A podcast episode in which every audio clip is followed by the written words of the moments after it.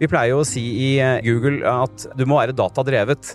Du må slutte med magefølelse, og så må du ta beslutninger på bakgrunn av data. Hvis du er en gjeng med selskaper og regjering som jobber sammen om noe i et marked med 1,3 milliarder mennesker, så samler du mye datapunkter. Da kan du med større sannsynlighet treffe en god beslutning på hvor teknologien er på vei hen, og hva som må gjøre for å gjøre den enda bedre enn noe annet marked i verden. Vi må bare ta inn over oss det som skjer der borte, ikke ta det for gitt.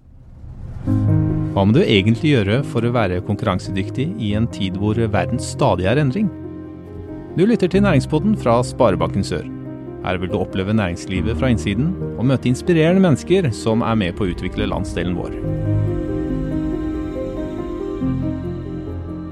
Hei, mitt navn er Eivind Håvåstad, og med meg også i dag så har jeg Geir Bergskau. Ja, takk. Administrerende direktør i eh, Sparebanken Sør. Velkommen. Du, som administrerende direktør så eh, må du jo forholde deg til markedsføring i store deler av hverdagen din. Eh, men eh, tidligere i karrieren din så har du hatt og jobba på flere nivåer som markedsfører. Kan du ja. fortelle litt om det? Ja, og, og, markedsføring er vel en av de områdene som har endret seg mest i de siste 20-30 årene. Det er klart at det grunnleggende, det å kommunisere med mennesker og, og treffe mennesker hjemme, det er, det er, veldig mye av det samme som tidligere. Men verktøyene er jo veldig endret i, i de siste årene, og ikke minst de siste fem årene. Og, og, og, det går raskere og raskere, og det er ingen tvil om at teknologiplattformer har gjort markedsføringsfaget til noe totalt annet enn, en det det var. Det er ikke lenger eh, helsides annonser i, i, store norske aviser. Det er eh, digital markedsføring og mye nye teknikker og teknologier som, uh, som kommer. Og det er kanskje ett sted du ser dette aller tydeligst, altså hvor teknologien og markedsføringen og digitaliseringen virkelig har et enormt tempo, og det er det kinesiske markedet. Og eh, når vi snakker om Kina, så er jo det òg et relevant tema for dagens gjest, Geir. Det er det. Og vi er så heldige å faktisk ha med oss Lars Bratsberg. Du er jo ikke lokal her i regionen, men du, jo, du har såpass interessant bakgrunn at vi måtte jo bare høre om du ville være med på en episode av Næringsbåten. Takk for invitasjonen. Du, eh, jeg kan, eh, jeg kan, fortelle mye om din eh, imponerende CV og alt det du har gjort i karrieren din, men det er jo mye mer spennende at du deler det sjøl. Så til de som ikke kjenner til deg eller hva du driver med, du, hva bruker du å si til de? Du, da pleier jeg å si at jeg er en digital evangelist. Det er ganske oppsummerende for det jeg har drevet med de siste, siste ti årene så er jeg jo såpass gammel at jeg har jo uh, vært i gamet i 20, uh, men uh, hvor på en måte media, merkevarer markedsføring og strategi rundt det har vært, har vært en bærebjelke. til jeg da for de siste åtte årene hadde muligheten til å jobbe for, for, Google i forbindelse med at de skulle begynne å tjene penger på, på en kanal som heter YouTube. Um, Google er jo et fantastisk selskap og, og, blir ofte nevnt som en av de selskapene som har gått i, i front med, med, det som, som Geir nevner, som uh, teknikker og plattformer og hvor, hvor fort det går. Jeg tok jo muligheten da til å ta med min kone og tre barn og flytte til Hongkong, eh, hvor jeg da sittet i ledergruppen for Greater China, Kina, Korea, Taiwan og Hongkong de siste fire årene. Um, og har jo, som da Geir, eh, jobbet og sett litt tett på uh, hvor fort det går i, Kina, som jeg tenker er et marked man kanskje bør se mer på enn en de mer nærliggende i vest. Og uh, Apropos Kina, du, du har jo også tatt turen over der uh, Geir, og besøkt store selskaper som Tencent, Alibaba og Huawei annet. Fortell litt om det. Geir. Ja, altså det, det, er jo, Jeg hadde en, uh, en, god runde der med mange andre nordiske bankledere i høst, hvor vi kom inn på, på det, og, og, fikk gode diskusjoner og samtaler med ledelsen i de store selskapene. Både Alibaba, Huawei, Tencent. og og flere andre. Um, og dette var jo ganske skjellsettende. Altså, når jeg husker tilbake den gangen jeg reiste rundt i Kina med ryggsekk eh, for uh, over 30 år siden, hvor, uh, hvor, hvor Deng Xiaoping var, var in charge, og Kina var veldig, veldig kort kommet i utviklingen, og du måtte se langt etter en PC.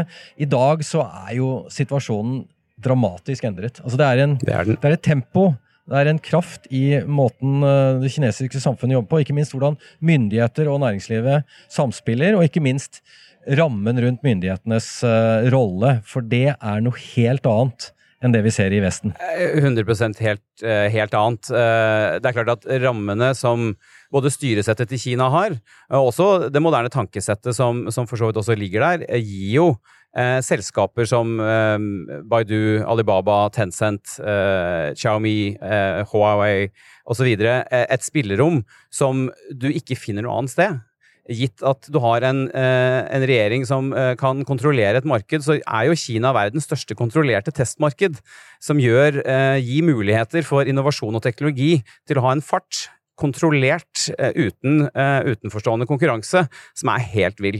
Og jeg tror ikke det er mulig å skjønne hvor fort det går i Kina uten å ha vært der. Om det er en uke som du var, eller om det var noen år som jeg har hatt, så, så er det Det tar litt pusten av deg. Eh, I hvert fall hvis man tar et steg tilbake og tenker hva er det dette egentlig betyr for, eh, for fremtiden. Og hva betyr det for fremtiden, tror du? ja, der kom glasskula. Um, altså, jeg tror jo at vi kommer til å uh, gå inn i en fremtid hvor kineserne har en betydelig del i det meste av det vi gjør. Uh, og så er det noen av disse delene som er høyt debattert uh, på globalt politisk nivå. Uh, eh, 5G-racet er jo ett som har vært debattert med Huawei som, som, leverandør. Altså, de kommer til å være verdensledende på det meste innenfor teknologi, som er teknologi som jeg tror de fleste forbrukere i verden kommer til å omfavne fordi den gjør hverdagen deres lettere. som teknologi alltid prøver på å gjøre, og som mange i Vesten har klart. Men jeg tror de løsningene kommer nok til å komme fra kinesiske leverandører i, i fremtiden. Lars, altså det, det, er jo et, um, et, veldig kraftfullt marked, som jeg sa. Og det som er spennende å høre om, er litt hvordan jobber de kinesiske, spesielt digitale gigantene, med utvikling, eh, markedsføring, posisjonering. Kan du ikke si litt om det? De har jo kommet i kapp med, med, de store i Vesten, så de, har, de lærer jo eh, av, av, det som går bra også. Så både i forhold til markedsføringsteknikker, for å ta den siden, eh, det at man må slutte å, å, planlegge så fælt, men egentlig bare teste hypoteser fort, eh, og løpe og lære av de, det å, det å ta feil er lov. Bare det at det har blitt en greie i Kina, i et land som er veldig hardt styrt, er jo en, en seier i seg selv. Så, så, det har de på en måte tatt om bord. Og så opererer de jo i et marked hvor, som jeg nevnte før vi, før vi startet her, altså Tencent gikk til regjeringen. Tenk deg dette scenarioet. Tencent går til regjeringen og sier vi har en veldig god ansiktsgjensendingsteknologi. Vi tror vi kan bli verdensledende, men den må trenes på folk. For det er sånn maskinlæring fungerer. Den må trene på ekte mennesker. Og så sier regjeringen kan dere ikke bare putte den da på alle flyplassene våre? Og så sto den der og ble ganske bra i to-tre år.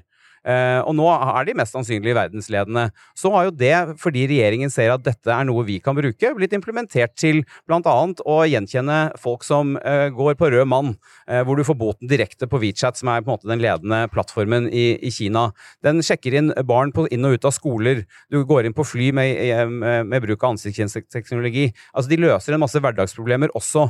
Men veien dit er det jo bare i Kina det var mulig å komme. For det er jo, du kan jo tenke deg hvis noen hadde spurt om det i, i Europa eller i USA, da hadde du fått blankt nei. Ja, for, for det er jo et spennende tema. for jeg jeg opplevde jo um, i mange av de store selskapene at de var faktisk veldig stolt av å vise fram hvordan de jobbet med å utlevere og dele data med myndighetene. Uh, de, hadde, de, ha, de har jo ingenting som uh, man kan kalle for GDPR i Kina. Det er ingen tvil om. Jeg pleier å si at de opptur ut av GDPR når du blir født i Kina. Og kommer aldri tilbake. ikke sant? Og det, og det interessante var jo å se hvordan store selskaper som jobber med myndighetene jeg fikk jo demonstrasjoner hvor de kunne gå hvor som helst i Kina, koble seg på en av de 200 millioner CCTV-kameraene, altså digitale kameraene, eh, og gjennom ansiktsgjenkjenningsteknologien identifisere hvem som helst hvor som helst i Kina, eh, og få opp ikke bare kredittscore, men etter hvert et sånn social score. Og dette er jo også både eh, kommersielt ganske dramatisk, men også politisk ganske spesielt det er jo eh, Jeg tror man må liksom nesten ta seg en kaffekopp til og tenke litt over hva, eh, hva eh, det de gjør nå i Kina som definitivt er en kinesisk ting, for vi vet at det her kunne ikke fungert. Men hva er det kineserne evner å lære ved å ha denne type teknologi gående på 1,3 milliarder mennesker? Vi pleier jo å si i, i Google at du må være datadrevet. du må slutte med magefølelse, og så må du ta beslutninger på bakgrunn av data. Hvis du er en gjeng med selskaper og regjering som jobber sammen om noe i et marked med 1,3 milliarder mennesker, så samler du mye datapunkter. Da kan du med stor, større sannsynlighet treffe en god beslutning på hvor teknologien er på vei hen, og hva som må gjøre for å gjøre den enda bedre enn noe annet marked i verden. Derfor så sier jeg at vi må bare ta inn over oss eh, det som skjer der borte, ikke ta det for gitt, og, og, på en måte bare lese hovedlinjene mellom handelskrigen mellom USA og Kina. Ja. Det, det, er jo også sånn at, eh, i hvert fall for de av oss som har vokst opp med George Orwell og Aldous Huxley og liksom disse, disse beskrivelsene av en sånn dystopisk uh, verden hvor alle overvåkes, så er jo Kina, når du kommer fra Norge inn i Kina, så, så føles det som du er tråkket rett inn i et, et sånt fremtidsbilde. Mm. Uh, og det er jo selvfølgelig en ganske interessant diskusjon uh, i en, uh, kall det demokratifestival, eller demokratiets dansegulv, som vi har her i Arendalsuka. Det kan vi komme litt tilbake til. men hvis vi går tilbake til kraften i, i utviklingen i Kina, og det samspillet myndigheter og privat næringsliv, ja, altså kraften er jo eh, helt unik når du har eh, en regjering som 100% legger til rette for at kinesiske selskaper skal kunne vokse så fort som overhodet mulig, med hva enn det er. Så er det mange av de grepene de tar som vi kan diskutere på denne siden av verden, eh, og at de opererer i gråsoner som for oss er helt uforståelig, det er det 100% et klart ja på at de gjør. Hvis man klarer i en debatt å parkere det menneskelige eh, aspektet av dette, som jeg vet er veldig vanskelig, men fordi det er en, en, stor del. Men hvis man parkerer det og bare ser på hva som skjer, så er det jo en kraft i å kunne tilrettelegge for optimal vekst i et sånt marked. Eh, vil jo gi kineserne et fortrinn, og det er det jo allerede. Altså 5G-diskusjonen. Eh, grunnen til at eh, dette racet går, er jo at USA vet de ligger et eller annet sted mellom fem til ti år bak kineserne i dag. Eh, hvis kineserne skulle vinne det racet, eh, så har eh, kineserne et forsprang som de kommer til å ha i uoverskuelig fremtid. noe som jeg, hvis jeg blir spurt, sier at det er ikke snakk om hvis, men når er det Kina blir verdens største økonomi. Ja, og det er vel rundt 2030 det er estimert til, med, med en framskriving av veksten? Det er akkurat eh, det. Er akkurat det. Um, og, og, dette er det mange andre som kan mene mer om enn meg i forhold til samfunnspolitiske og, og globale økonomiske tendenser og, og sånne ting. Uh, jeg tenker at det er lurt at vi um, prøver å ta inn over disse, disse bitene i et større bilde uh, for å innse at det er uh, et mye større komplekst totalbilde eh, til å på en måte mene noe om det. Eh, det er mye snakket om datainnsamling, og, og, det var et valg i USA hvor det var et selskap som var inne, og litt sånn. Det er en app som veldig mange av sikkert dine lyttere som har barn, som heter TikTok, eh, som er en av de verdens mest nedlastede apper. Eh, målgruppen er 9 13 år, stort sett, eid av kinesere. De bruker den dataen, for alt den er verdt. Og det er ingen som kommer til å kunne kreve de å legge lokk på det. Sånn at eh, da kan du gjerne si at eh, Facebook og Google og andre samler også mye data, og og kjenner de sitt ansvar. Eh, kineserne har vel ikke noe, noe De har faktisk ikke et ord som beskriver menneskerettighet. Det var vel noen som prøvde seg på det, og det tegnet fins ikke i det kinesiske alfabet, så det sier vel litt om hvor de står på akkurat det. Men det betyr vel bare for å si sånn, det betyr vel at uh, kinesiske myndigheter begynner å vite mer om våre egne barn enn vi gjør. Uh, det er en liten utfordring. Det kan vi være enige om. Lite magefølelse der, altså. Veldig lite magefølelse. Sterkt datadrevet. Du, uh, Si meg litt før vi kommer inn på neste tema, om selskapet du har jobba for i Kina de siste åra, Lars. Ja, jeg har jobbet for et uh, lite amerikansk selskap som heter Google. Um, som uh, Nei, litt fleip til side, men det er jo et selskap som har noen produkter som de fleste bruker hver dag. Om om det er søkemotoren, eller om det er kartet eller, eller videoplattformen. Et selskap som er kåret til å være en av verdens beste arbeidsplasser. Et fantastisk sted å jobbe. En kultur som minner litt om en gründerkultur, selv om de har passert 100 000 ansatte. Eh, som jeg mener er en formidabel oppgave å ha klart å gjennomføre. Det at du kommer inn eh, og blir spurt Jeg husker min første dag, så fikk jeg beskjed om 'velkommen til Google'. Vi gleder oss til å høre hvordan du mener vi kan gjøre, jobbe annerledes. Den velkomsten versus 'velkommen til Google', det er sånn vi gjør det her er altså diametralt så annerledes, men så enkel å, å si som gjør at jeg følte at jeg eh, hadde en posisjon hvor det var lov å mene noe. Det var også lov til å ta feil. Og det er eh, nøkler i, i, i, kulturen i Google eh, som jeg har tatt eh, til hjertet, og, og tenker at eh, det er ekstremt viktig eh, for å få det beste ut av mennesker.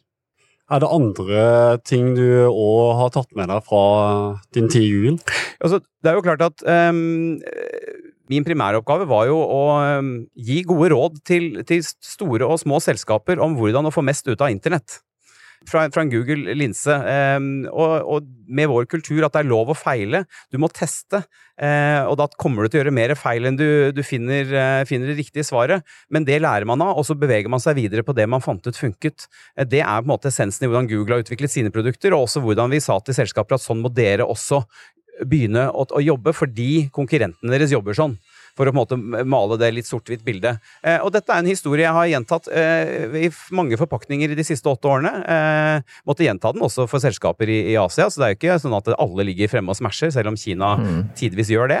Og da eh, når jeg da endte det eventyret og kom hjem, så var det jo snakk om å, å ta det jeg på en måte var glad i å drive med, eh, som var å hjelpe selskaper i å lykkes. Eh, kanskje til og med la en drøm gå i oppfyllelse, som gjorde at jeg da har startet selskapet Growth Tribe, som du nevnte innledningsvis. Mm. Vi har jo markedsført denne podkasten eh, med eh, egentlig ditt neste prosjekt. For eh, fakta er jo at du eh, Google for din del, selv om du kanskje er i ditt hjerte, så er det fortsatt eh, da, da, et eh, gammelt kapittel. da. Det er det. Du har jo da tatt det hypotesetesting til ditt hjerte. Ja. Kan ikke du fortelle litt om hva du nå driver med? Jo, Uh, hypotesetesting, og det som jeg var litt inne på, er jo en del av måten Google har jobbet på. Så dette er jo på en måte kjent materie og sånn jeg egentlig er vant til å jobbe. Uh, og det å få lov til å, å, ta et konsept som har pakketert uh, det som kalles datadrevet markedsføring, hvor dette å teste hypoteser fort er, er, et, er et, kraftig element, var et veldig na naturlig valg. Selskapet heter Growth Tribe, kjent på sleng som growth hacking, men er altså datadrevet markedsføring hvor man finner ut hva som fungerer og putter pengene på det. Vi, vi som har jobbet i markedsføring her i, over 20 år, vet jo at den gode gamle eh, Du vet aldri hvilken 50% som ikke funker, eh, så derfor så må du gamble litt overalt. Den tiden er over. Tolv måneders kampanjeplaner er altså over. Eh, man må kontinuerlig teste hypoteser for å finne ut av det som funker, og, og, og legge strategi deretter. Det er et rent utdanningsselskap som sørger for kompetanseoverføring til, til bedrifter, sånn at de faktisk evner å gjøre dette på egen hånd så er det jo det at med utviklingen av eh, plattformer og teknologi som går så fort, så har det jo eh, blitt et, eh, et, kunnskapshull som egentlig ingen universitet har klart å ta tak i, fordi det endrer seg så fort. Så fra den tiden du snakker om det til det kommer en lærebok og inn i pensum, så er det utdatert. Eh, vi prøver å, å, å, fylle det kunnskapshullet med å legge opp til en filosofi rundt eh, livslang læring, eh, hvor vi har pakketert for å gi deg et lite krasjkurs som vi går til markedet med, sånn at du i hvert fall får en dytt i ryggen og kommer i gang, og så kan, vi, kan man fylle på med mer, mer læring etter det. Hvis vi ser på akkurat dette området, det er klart at det er jo en veldig stor endring i hva slags type kompetanse som kreves fra si, framtidens, dagens og framtidens markedsfører i forhold til tidligere. Klart. Tidligere var jo for noen år tilbake så var det jo reklamebyråene som eh, De som virkelig vant uh, de store premiene, Gullruta osv., det var de som hadde laget fine TV-reklamer. Um, det er sikkert litt rom for det etter hvert, men, eller fortsatt, men, men, det er jo ingen tvil om at uh, type kompetanse innenfor analyse, digitalisering, nettopp det du trekker fram, blir helt ny, ny kompetanse. Ja. Hvordan, hvordan, vil det påvirke bedriftene framover? Altså, jeg tror at bedrifter har vært veldig flinke til å eh, justere seg for det markedet og den teknologien og det som er rundt. Det er, eh, gode bedriftsledere har vært flinke til det. Eh, og så har de glemt ett, ett element, og det er sine egne ansatte. Du glemmer å kompetanseheve dine ansatte i tråd med at markedet og verden forandrer seg. Eh, som gjør at sjansen for at man faktisk klarer å få det meste ut av den endringen bedriften gjør, gjør at de ansatte kanskje føler at de har et kunnskapshull. Så det er to ting som må henge på sammen. Så det er jo et grep som er for så vidt enkelt å gjøre noe med. og og også ta med seg sine ansatte og sørge for at de får kompetansepåfyll, sånn at de henger med. Fordi eh, når de gikk ut av skolen, så var det mye av dette som ikke eksisterte. Um, og, det å ha dette in-house, altså i, i, huset, i team, egne team, er jo mye mer kraftfullt. At man kan ta ansvar for egen vekst selv, fremfor å bruke samarbeidspartnere til akkurat det. Så har alle gode samarbeidspartnere som kan være med på å dra lasset, men akkurat å eie vekst, det må man gjøre selv. Uh, og det tror jeg blir viktig, et viktig element. Det betyr i praksis at du tror at bedriftene selv kan utvikle mye av den kompetansen in-house, men det er vel noe spisskompetanse du må dyrke fram eh, og hente inn utenfra også? Jeg tror at um, Ja, noe spisskompetanse, men hvis man ser på de menneskene man har altså La oss for guds skyld starte med de menneskene man har. Uh, De kommer fra forskjellige bakgrunner. Noen kommer kanskje fra uh, kommunikasjonsbakgrunn, noen kommer kanskje fra at de er gode til å, til å, til å tegne og, og, fargelegge, og noen kommer kanskje at de har evnen til å bygge noe. Dette er jo bakgrunner som er helt perfekt for å bygge på, for å bygge et team. Og jeg skal love deg, hvis du tar den type mennesker og legger på, uh, kall det liksom moderne tek teknikker og, og verktøy, så får du jo mennesker som kommer til å elske deg som arbeidsplass og være trofast og fortsette å jobbe for deg og ikke begynne å, hoppe rundt. Eh, sånn at det, det ligger masse eh, kulturell og organisatorisk kraft i det å ta vare på sine ansatte ved å kompetanseheve de du har. Ikke gå ut og se etter liksom, spesialister riktig ennå. Det kan komme på en måte senere. Men ta vare på de, de gode menneskene man, man, har, er superviktig. Hvordan tror du ut utgangspunktet for norsk næringsliv i forhold til andre lands næringsliv er akkurat på dette området? Er vi godt skodd, eller vi, har vi en kultur som, som lett kan uh, utvikles til å, til å annamme og utvikle denne type kompetanse? Jeg tror at norsk næringsliv er mye bedre plassert enn de selv tror. Eh, jeg tror at eh, kanskje litt av eh, det norske tankesettet er egentlig det som bremser oss mer enn evnen. Hvis vi faller til ro med at det ikke fins kommunegrenser, fylkesgrenser, landegrenser for noe av det du driver med. At du må tenke så stort at du egentlig begynner med hva om det jeg driver med nå er et globalt produkt, og så kan du heller koke det ned til Arendal og si hva må vi starte med først. Men start der ute, så vil du på en måte bare allerede der ta bort en del barrierer som, eh, som gjør at du får mer ut av de menneskene. Jeg tror eh, norsk næringsliv er perfekt posisjonert, og vi sitter på ekstremt mye eh, både visjonærer, men også kompetanse som vi kan som vi kan bygge på i, i mange, mange år.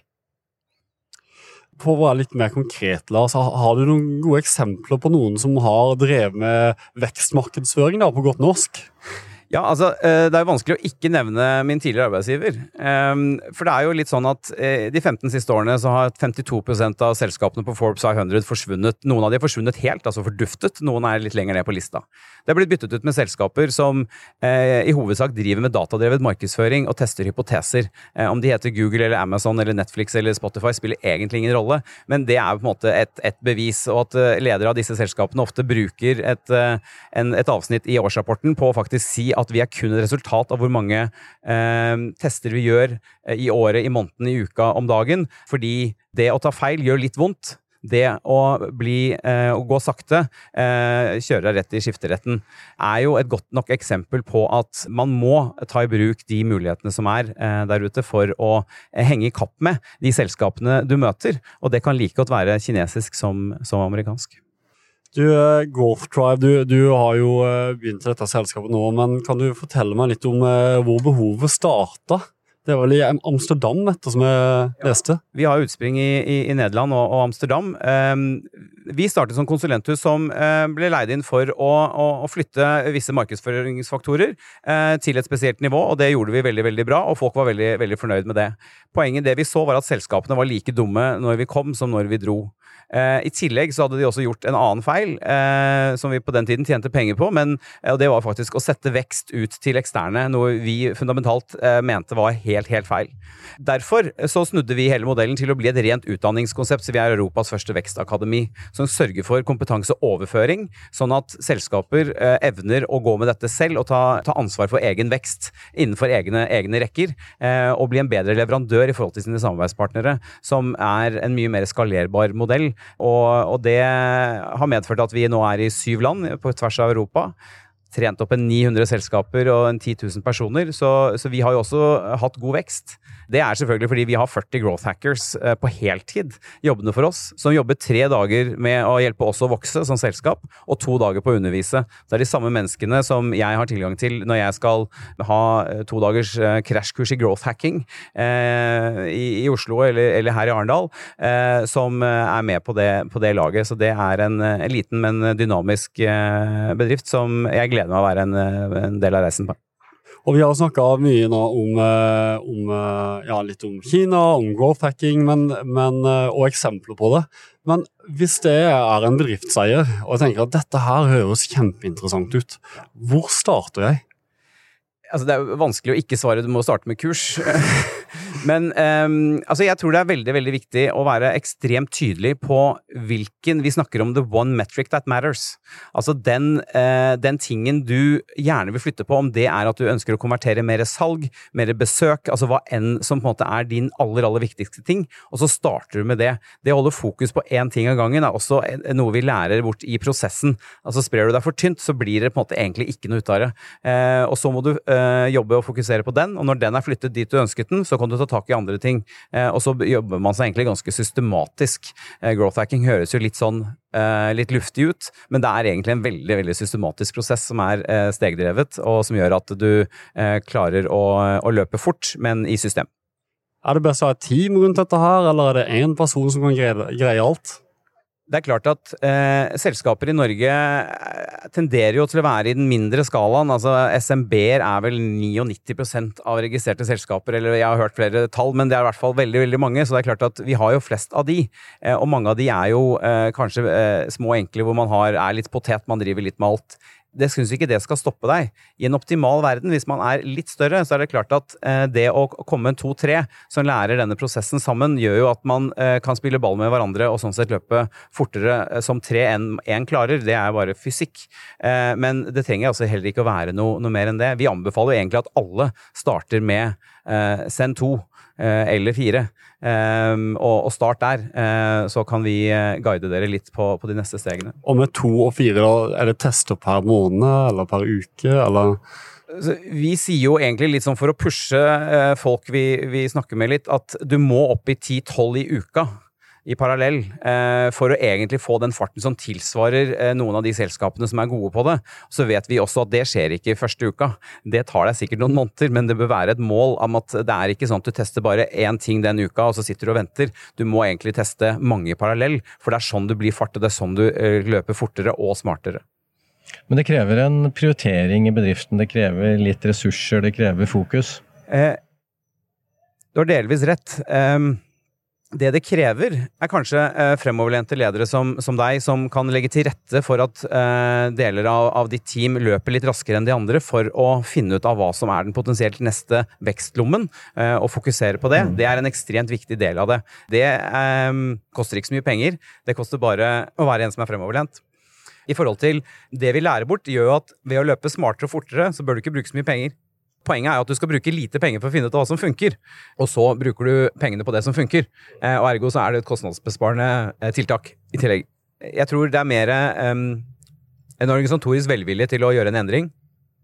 Til å uh, tørre å prøve noe nytt. Uh, legge, ha takhøyde for å feile tror jeg er det aller, aller viktigste. Det å vite at eh, ja, det kan eh, koste litt å løpe med eksperimenter, men det å finne ut hva som fungerer, og putte penger der, vil i, i, i det lengre løp være en mer kostnadseffektiv måte å, å, drive, å drive markedsføring på. Sånn sett så er det jo en ganske så dramatisk endring i forhold til gamle dagers markedsføring, hvor du eh, brukte ganske mye med penger på helsider og andre, du, og, og, du visste at halvparten traff, men du, ikke, du visste jo aldri hvilken halvpart. Nei. Det, og, og, det, og, det, er vel kanskje den største revolusjonen, eh, som fortsatt den dag i dag kan være litt tung materie å svelge for, for noen tradisjonelle bedrifter. Eh, og Derfor så sier vi også, eh, hvis du har lyst til å prøve dette, start i det små. For vi vet at eh, store ting i store konsern, spesielt hvis de går fortere enn resten, skaper friksjon. Friksjon er ikke bra. Nei. Gi meg en growth hack som eh, du vet mange har hatt suksess med. En growth hack. Um, vi uh, har en hack eh, som heter femsekunderstesten. Det betyr at du uh, laster opp et bilde av din hjemmeside. Den vises for et uh, online-panel i fem sekunder. Fem sekunder er kanskje i overkant lenge i forhold til hvor lang uh, tid folk egentlig bruker på å bestemme seg om de kommer til rett, men de får fem sekunder. Så går skjermen i svart, og så stiller du de tre spørsmål. Hva driver selskapet med? Hva er hovedproduktet, og hva er det unike salgspoenget? Eh, det gir deg ganske rask tilbakemelding på om det du kommuniserer på hjemmesiden din, dit du kanskje trenger trafikk fra markedskanaler, om du i det hele tatt eh, er på nett eller ikke. Dette eh, gir deg ganske raske tilbakemeldinger, gjerne bare over, over natten. Og med våre verktøy så kan du også bare overskrive og sånn sett teste teksten ganske raskt uten å ha kodere og, og designgutta på, på, lag.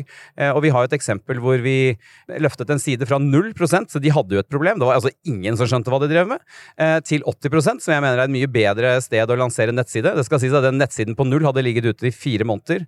Men når vi satte oss ned som team, så gjorde vi den øvelsen på 20 minutter. Og det er det vi mener med rask eksperimentering.